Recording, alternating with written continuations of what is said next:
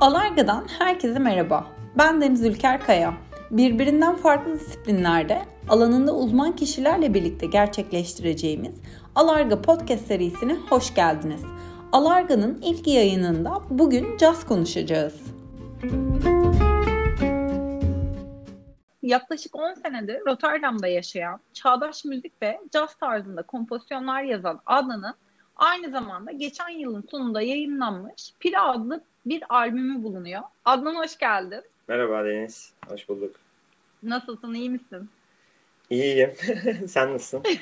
ben de iyiyim, çok teşekkür ederim. Şimdi Adnan bugünkü konumuzu birazcık daha Piri hakkında konuşalım ee, diye bir podcast çekelim dedik ama senin kariyerine baktığımda da öncesiyle ilgili de sorular sormak istiyorum. Dolayısıyla Piri'ye geçmeden önce biraz seni tanımak istiyorum. Senin için de uygunsa. Tabii ki, tabii ki. Lütfen. Tamam. Ee, o zaman ilk sorum şu olacak. Müziğe olan ilgini nasıl keşfettin? Müzik yolculuğunda hani sana ilham veren bir isim var mıydı? Bu süreci birazcık anlatabilir misin? Ee, anlatayım. Seve seve.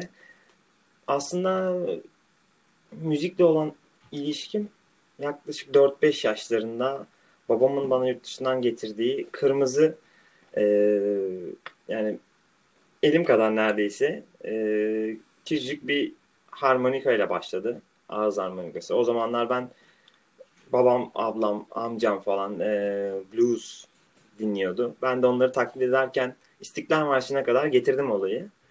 Oradan sonra e, baktılar yeteneğim var. 6 ya da 7 yaşlarında o civarlar çok aşırı net hatırlamıyorum. Piyano kursuna yazdırdılar beni. Ork ve piyanoya başladım. E, tabii ki önümde dedem gibi bir idol var 1960'larda bu Yurda Erdoğlu, Kenan Doğulu'nun babasıyla turnelere katılmış işte Türkiye'nin ilk saksafoncularından. Ee, dedem Erdinç Koldaş. Ayrıca ilk, ilk hocamdır kendisi. Hala hayatta. Buradan selamlar olsun. Dinler mutlaka diye tahmin ediyorum. Ee, onun etkisiyle 14 yaşlarında saksafona başladım. Bir gün geldi dedi çalmak ister misin saksafon? Dedi dedim neden olmasın. Aldım ve iki gün üç gün içinde e, bir şeyler çaldığımı hatırlıyorum dedemin eşliğinde. Klasik metodla eğitildim o dönemde.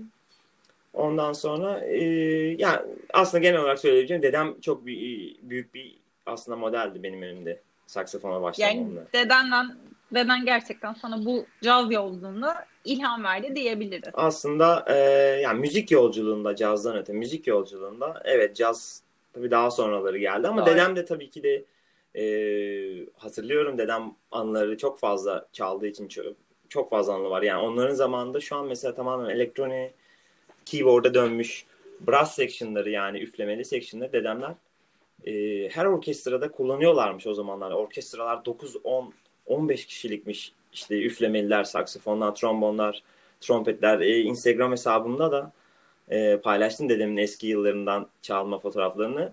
E, kıyafetler olsun çok değişik bir e, tekstür var Konseptleri orada. Tabii var. ki de yani. Evet. O zamanlar dedemler de mesela plaklardan dinliyorlarmış. Tabii ki kısıtlı imkanlar yani. 60'lı yıllardan bahsediyorum.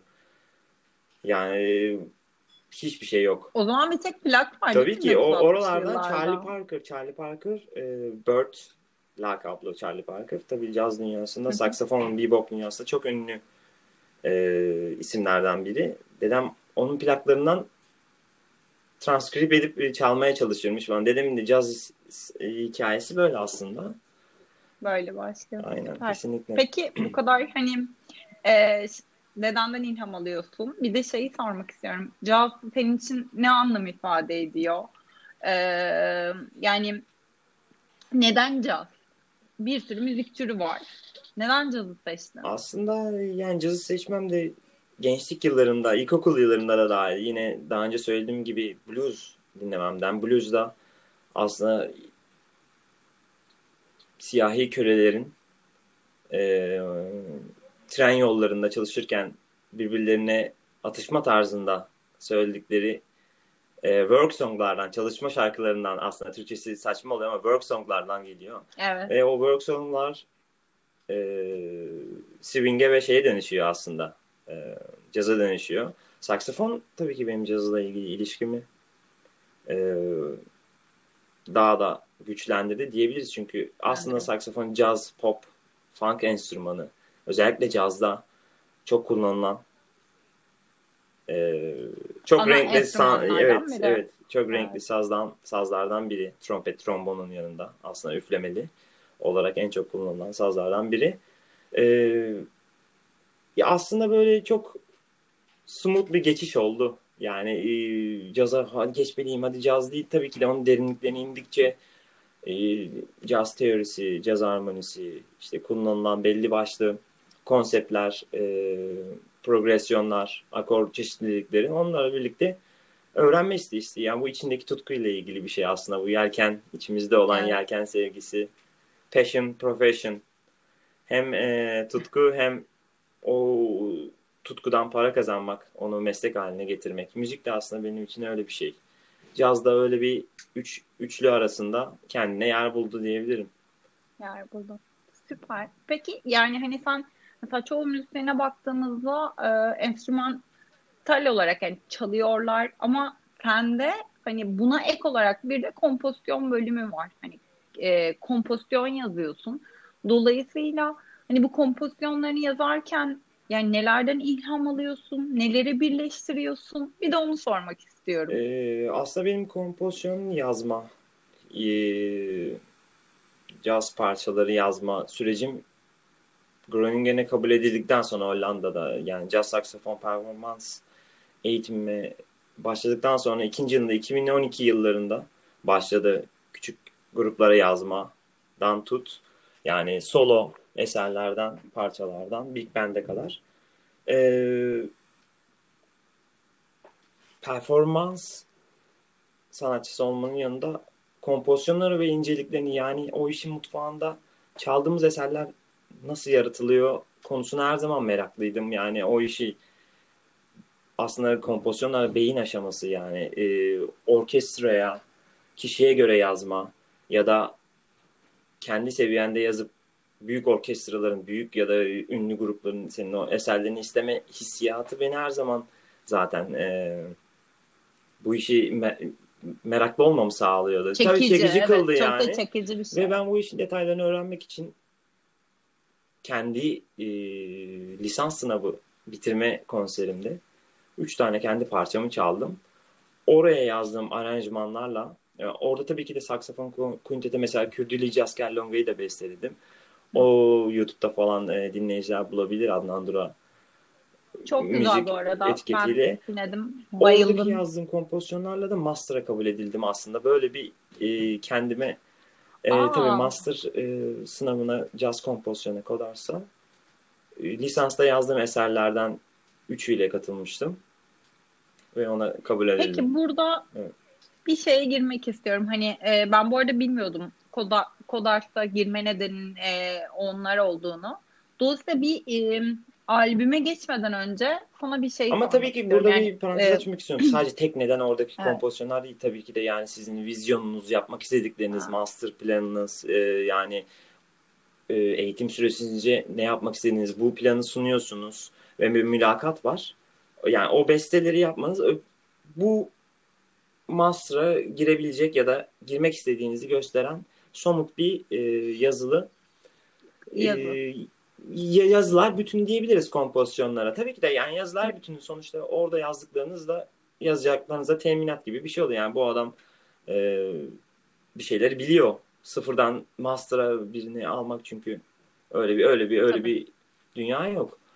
Ondan sonra e, yani bunun parantez oradaki tabii mülakattaki yaptığımız konuşmalar, onların kendilerini beğenmesi. Ama ben şimdi etkiledim. Tam onun detayını soracağım. Çünkü bu çok önemli bence Adnan. E, baktığında hani e, senin kariyerine İzmir'de 9 Eylül'de müzikoloji bölümünde başlıyorsun. Evet. Ondan sonra 2011 yılında Groningen'de e, Prince Class Sanat Okulu'na burslu olarak e, kabul alıyorsun ve ardından yine Hollanda'da Kod Arts'ta devam ediyorsun. Şimdi bütün bu süreçte ben az önce hani e, bilmiyordum dedim ama e, çok uluslararası bir kariyer ve baktığınızda büyük bir başarı. Hani belki senin için bu süreçler geçtiği için şu an hani e, pek bir şey anlam ifade etmiyor olabilir ama dinleyicilerimiz arasında çok önemli bir şey. e, bu kadar ben özellikle caz alanında Türkiye'den kaç kişi senin gibi burslu olarak gitmiştir?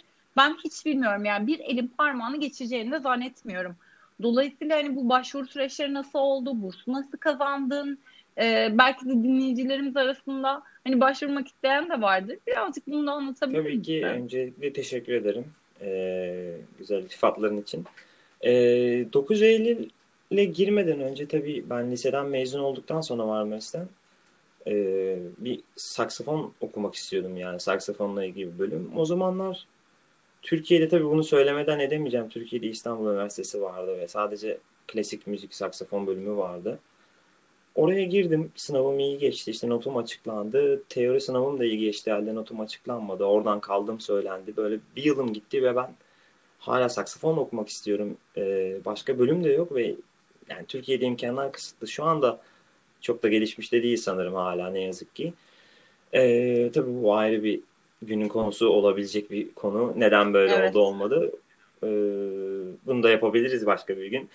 Bunun haricinde tabii ki de ikinci yıl ben tekrar denemek istedim. İşte Rusya'dan piyanistler geldi çalışıldım. Glizonov konçertoları çal- çıkardım. Türkiye'de tek başıma sınava girdim. Öbür yıl olduğu, önceki yıl olduğu gibi. Bir Ve kişi başvuran bölüm, kişi. Evet bölüme miydi? bir şekilde giremedim açılmadı, alınmadı. Yani ne olduğu konusunda bir fikrim olmadığı için hala bunu burada söylüyorum. Ama bana da bu ayrı bir e, vizyon ve hırs kattı diyebilirim. Yani buradan evet. eve gitmek istedim ama e, belli şartlar kendimi 9 Eylül Güzel Sanatlar'da bir müzikoloji bölümünde buldum.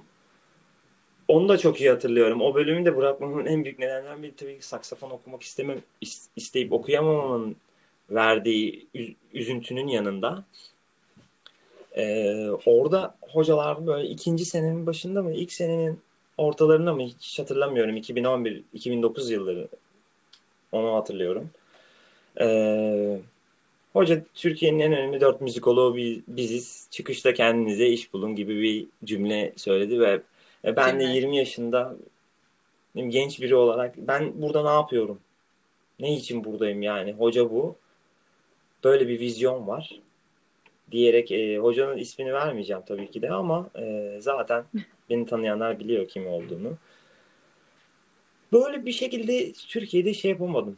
E, istediğim huzuru bulamadım. E, bütün arkadaşlarım konservatuar okurken okuyamadım.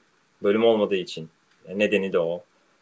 Ya da olup da nedenini bir şekilde bilemediğimden dolayı girdiğim için kendimi e, 2011'de ilk Siena'da İzmir'de İKSEV Vakfı'nın verdiği bursla Siena'da masterclasslarda e, buldum.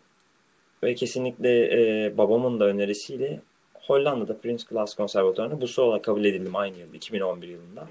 Jazz saksafon okuma hayalim sonunda orada geldi. Akabinde de e, aslında son yılımda e, Barcelona'ya gitme imkanım oldu Hollanda sayesinde. Prince Class Konservatuarı'nda ki son yılımı Barcelona'da e, Gorka Benitez'le flamenco ve modern caz üzerine geçirdim. Ve geri, dön geri döndüğümde Groningen'de lisansımı tamamlayıp Kodars Jazz Kompozisyon'a bir yıl aradan sonra başladım. Ve böylelikle albümü başlatan süreçte aslında başlamış oldu. E, Peki Adnan ben şey sormak istiyorum bu noktada. Ee, en çok mesela bu süreçte seni zorlayan şey neydi? Başvuru yaparken ya da başvuru yapmak e, isteyen dinleyicilerimiz için verebileceğim böyle birkaç tane ipucu var mıdır? Ne yapmaları gerektiği noktasında? Ee, tabii ki yani bildiklerimi seve seve paylaşırım. Ee, benim zamanımda 2011 yılında ben sadece aslında ailemin desteği ve kendi çabamla yani beraber Hollanda'dan veya dışarıdan hiçbir yardım almadan hocalara mail attım, okullara mail attım ve e, onlarla birebir görüştüm. Çünkü ben okul ve özelliklerinden aslında daha çok şehir ve hocaya göre e, eğitimimi her zaman seçme taraftarındayım. E, bunun dezavantajları ve avantajları var tabii ki de. Bu da uzun bir konu. E, merak edenlerle detaylı olarak onların hepsini paylaşabilirim. Yani finansal durumlardan e, manevi zorluklara veya kolaylıklara kadar e, her şeyi bir gün ya da bununla ilgili ayrı bir eğitim programı tabii ki de yaparız seve seve. Senin yapabiliriz. Evet. E, önderliğinde. Onun haricinde e, Ben kesinlikle çalışmak istedikleri o hoca ve tarza göre okul seçmelerini öneriyorum.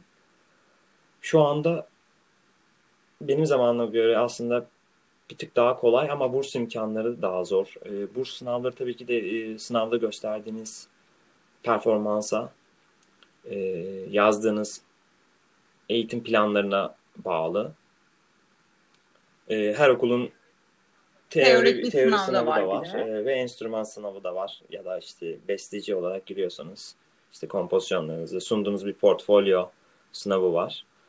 Bunlarla ilgili her okulun e, kriterleri aslında farklı ama farklı. E, hepsi belli bir seviyede. Yani sınavları var olduğu için solfej olsun, müziklikte sınavları. E, hepsinin sitesinden bakmalarını öneriyorum dinleyenlere. E, çünkü değişebiliyor. Aynen. Evet. Yani aslında aslında şunu yapmaları gerekiyor. Baktığında güçlü bir portfolyo oluşturmaları evet. gerekiyor. Pratik sınavı için sürekli insanların çalışması gerekiyor ki ek olarak da hani hocaları takip etmeleri, kendi istedikleriyle hocaların kariyerleri birleşiyor mu?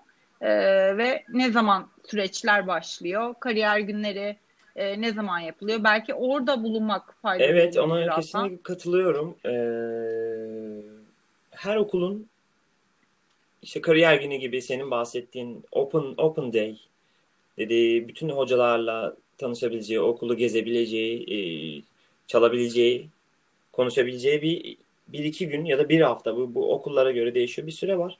Bunları takip edip o sürelerde e, gelip kombine edebilirler. Mesela ben geldiğimde 2-3 hoca ile 2-3 farklı okulla beraber görüşmüştüm. E, döndüğümde nereye istediğimi anlamam için aslında e, bana yol göstermişti ve çok da memnunum. Bunu öneririm. E tabii ki bütün bunlardan önce Deniz e, iyi bir İngilizce konuşabilmek lazım derslere ve Gerek. aslında akademik olarak tez yazarken zorlanmamak için böyle birçok arkadaşımız aslında geri döndü maalesef. Yetenekli olup e, bir şekilde tutunamadı. Çünkü ya tabii ki de Hollanda'nın avantajı lisans düzeyinde İngilizce eğitim veren Avrupa'da tek ülke.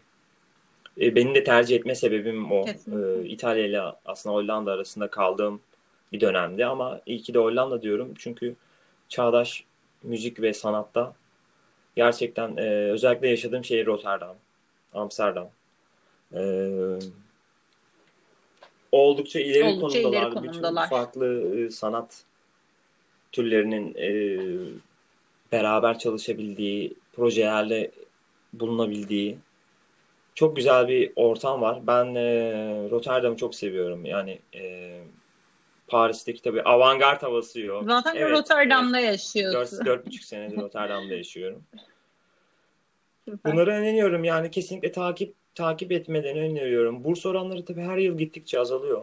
E, miktarlar düşüyor. Avrupa Birliği dışında olan e, ülke vatandaşlarına bizim gibi e, Türkler, Ruslar onların e, daha farklı maddi zorlukları daha yüksek miktarlar öde- ödemek zorunda kalıyorlar. O yüzden ne kadar güçlü bir portfolyo ve güzel İngilizce e, yardımcı olacak diye e, burs oranı tüyo vermek isterim aslında.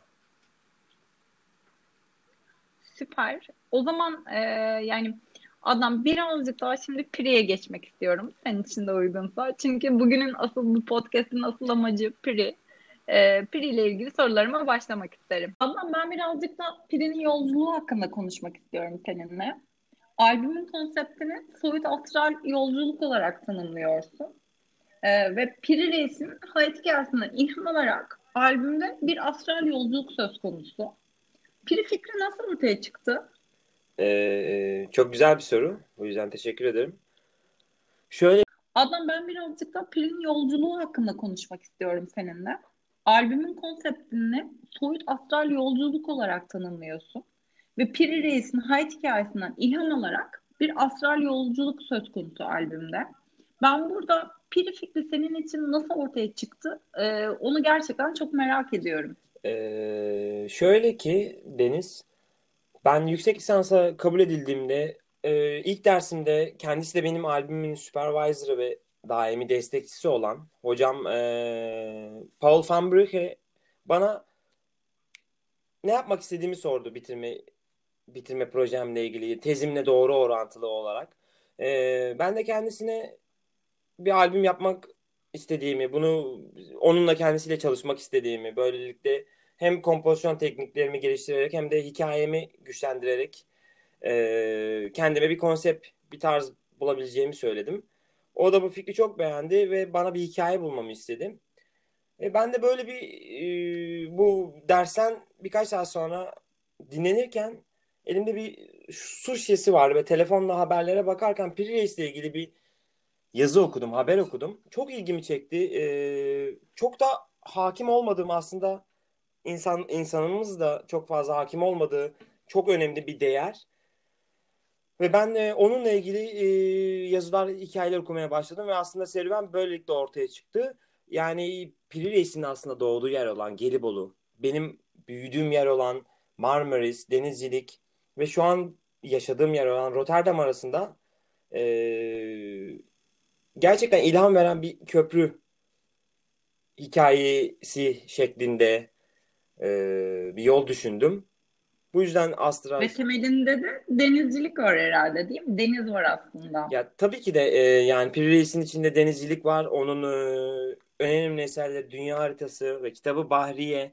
Bu denizcilere guide yani rehber olsun diye 1523 yılında yanlış hatırlamıyorsam bitirdiği bir kitabı. Hatta Kanuni Sultan Süleyman için özel olarak kendisi e, bir de nüshasını yazıyor.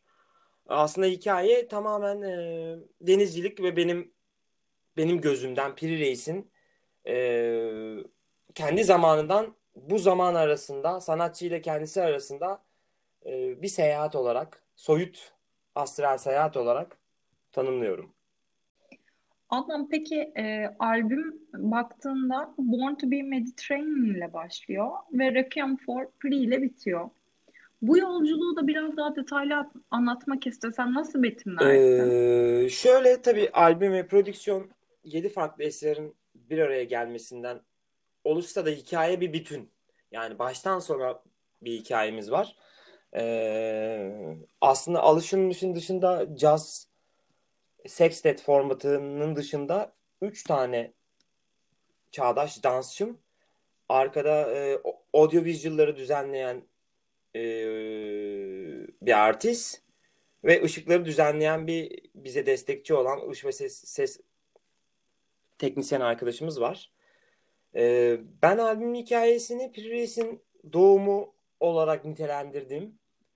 Aslında e, onun ilk doğuş çığlıklarının bile e, saksafonda solo olarak lanse ettiğim Born to be Mediterranean ile başlattım. Ee, ikinci eseri Gelibolu Humbleman'i onun aslında denizciliğe başladığı, gençlik yıllarının geçtiği Gelibolu'da ilk heyecanlar aslında bunun bununla paralel olarak benim de soyut olarak kendi doğumum Born to be Mediterranean, Gelibolu Humbleman benim gençliğim, benim ilk müziğe başladığım zamanlar aslında tasvir tasvirleniyor. Yani Piri aslında Adnan Dura bir yandan da. Bunu daha sonraki e, belki dakikalarda albüm kapağıyla ilgili konuşabiliriz aslında. O, onun da hikayesi var. E, bu temayla çok bağlantılı olarak.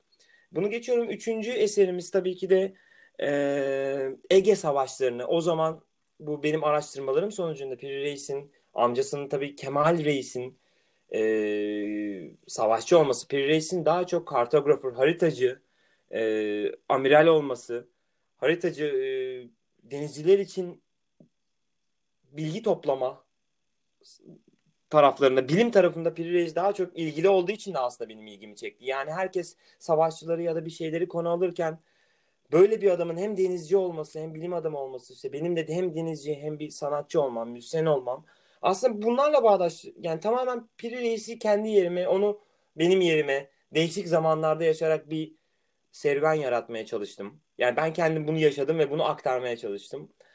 Ee, üçüncü parçada bahsettiğim gibi Aegean Fight, Ege, Ege Savaşları tamamen savaşları anlatıyor. Hatta bunun bu parçayı da ben iki bölüme alıyorum. İlk bölüm savaş sahnesi, savaşın e, yapıldığı tasvirlenme, bombalanma. İkinci gemilerin, yıkıkların, yanmış gemilerin, ölü insanların ya da yaralıların denizde haykırması, mikrotonel e, part geliyor. Mikrotonel müzik kullandım contemporary jazz'ın içinde yani çağdaş caz müziği armonisi içinde bunları dinleyici görebiliyor.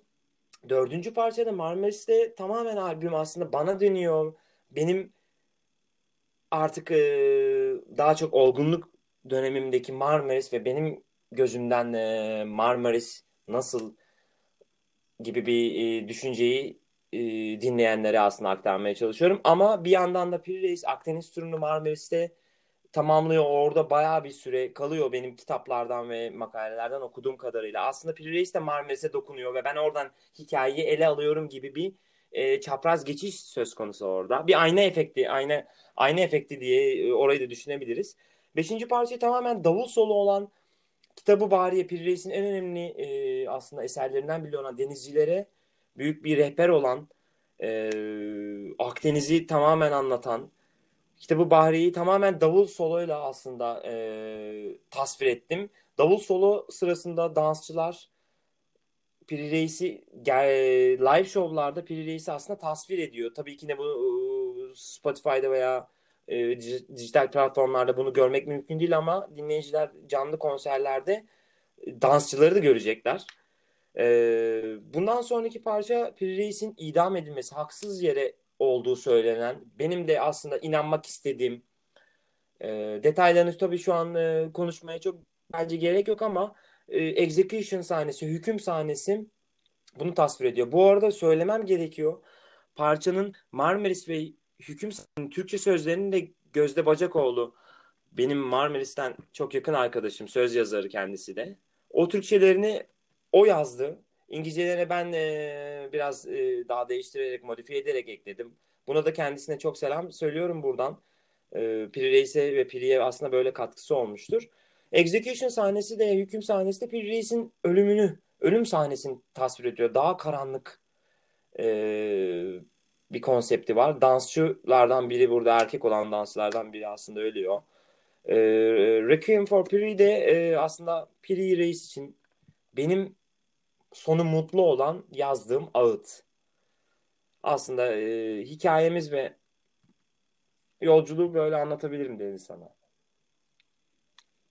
Peki sonu mutlu olan dedin. Orada aslında e, şeyi mi vurguladın? Yani hani Piri bu bilim tarafının ağır basması, hala da bıraktığı eserlerin gerçekten zamanı kuruyacak bir şekilde ölümsüzleşmesi ve onun ölmediğini de bir yerde vurguluyorsun anladığım kadarıyla. Aslında evet yani onun ölmediğini eserlerinin zaten şu an devam ediyor. Dünyanın birçok yerinde e, dünya haritasının bir parçaları var. Çok yazıktır ki Ayasofya'da şans eseri orada çalışan bir işçi kendi önüne yemek kağıdı olarak serdiği şey Piri Reis'in haritası olarak bulunuyor. İşte bu araştırmaların tabii e, dinleyiciler internetten detaylı araştırabilir merak edenler. Ya Piri Reis bir de çok ilginç, çok gizemli bir adam. Yani 1974 yılında mesela e, Antarktika daha yeni keşfediliyor ama o 14. yüzyılda bunu bir şekilde astral olarak kendi gördüğü ve tasvir ettiği, çizdiği haritalar var. Yani çok ilginç. Bunların tabi açıklamaları bilimsel hiç kimse yapamıyor. Aradan geçmiş 400-500 yıl belki daha fazla. Ee, Piri Reis'i bende çeken hı hı. yani bilinmeyen çok şey var. Ee, elimizde olan çok az şey var. Türk halkının bilmediği, çok fazla bilmediği bir insan. Ee, ben bunu aslında öne çıkarmak istedim. Yani Piri Reis diye bir ka- karakter var ve çok önemli. Türk denizciliği tarihinde yani de bilim olarak e, rehber olarak denizciler için çok büyük bir e, kaynak. Bu nasıl bilinmez? Bu bilinmeli. Evet. Tabii ki bir sanatçı olarak estetik kaygımdan da dolayı kendi tarzında soyut olarak e, bir yolculuk düşündüm. Aslında bütün hikaye bu. Yani e, seyahat.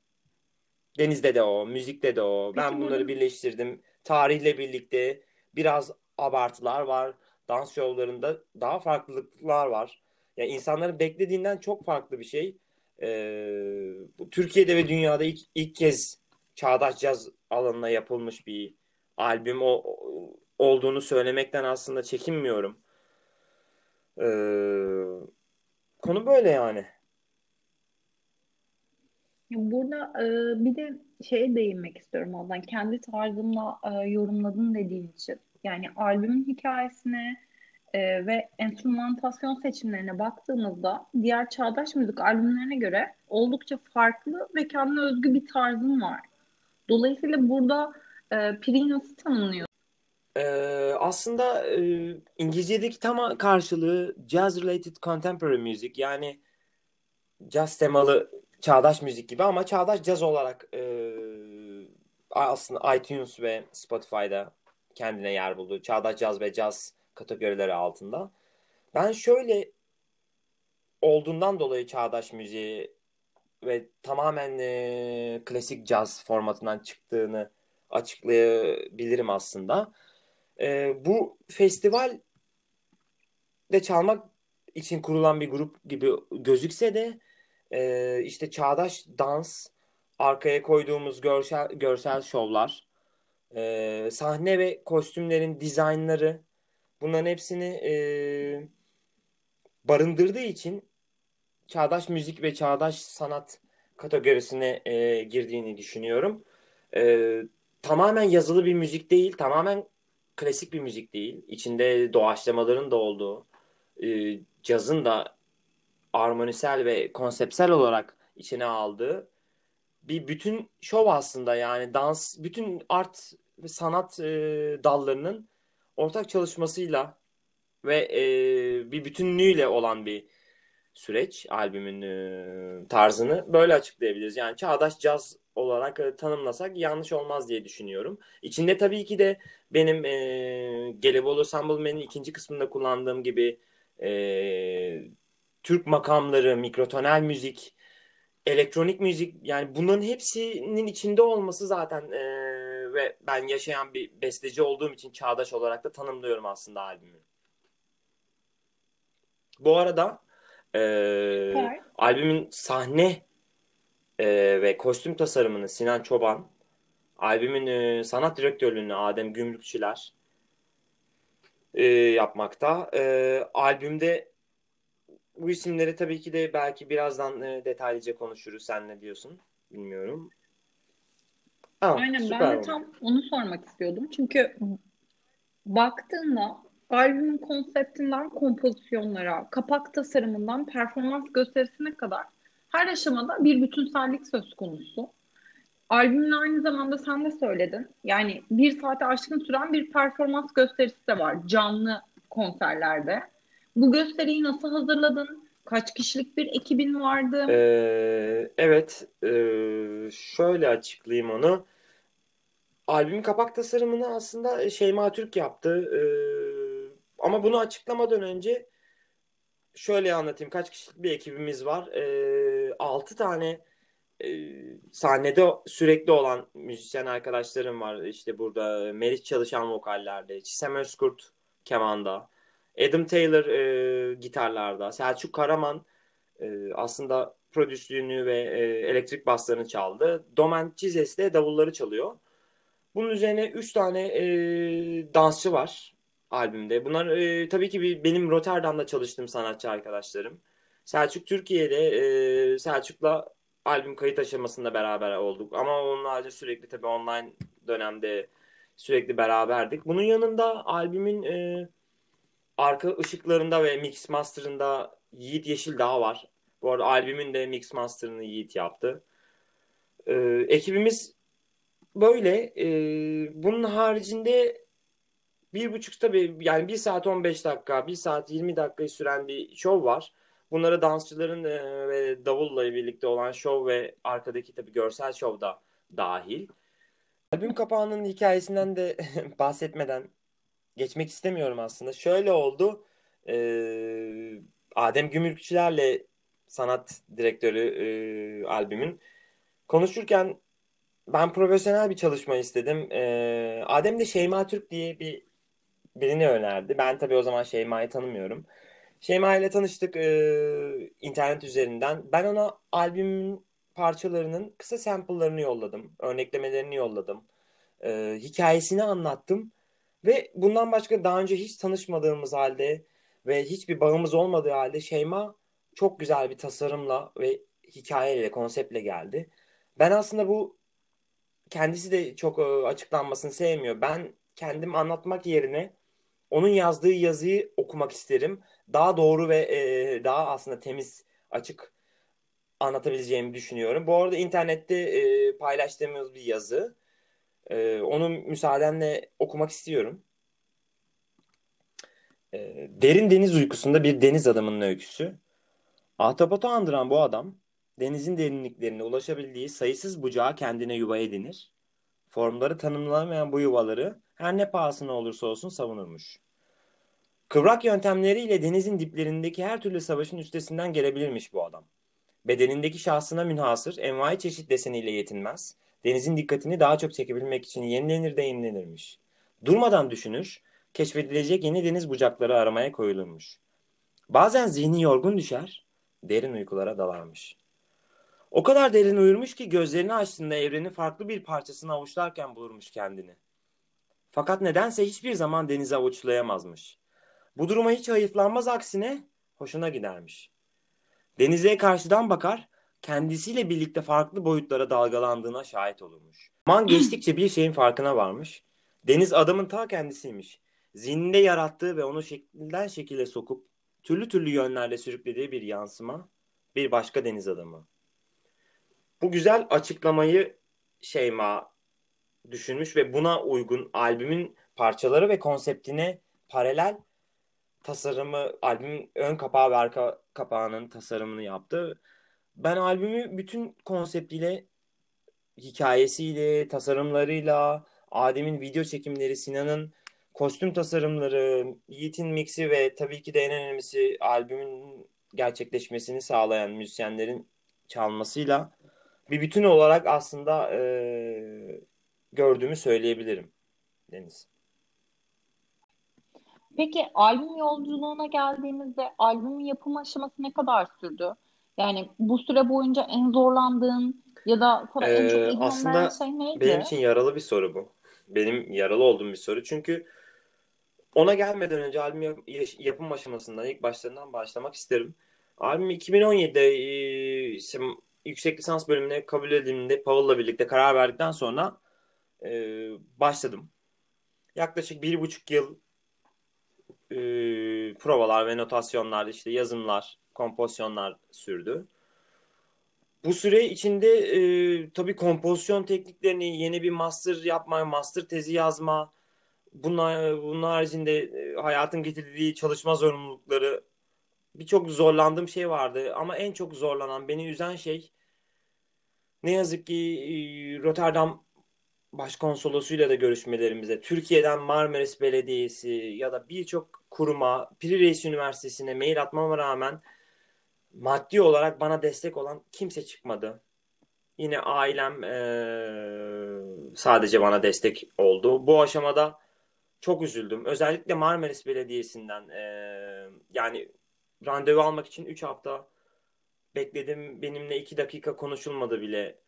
Oradan çıkmış bir insanın üstüne üstlük Marmaris adlı bir eser de var ve eee, ya ben çok cüzi destekler bile eee, göremedim.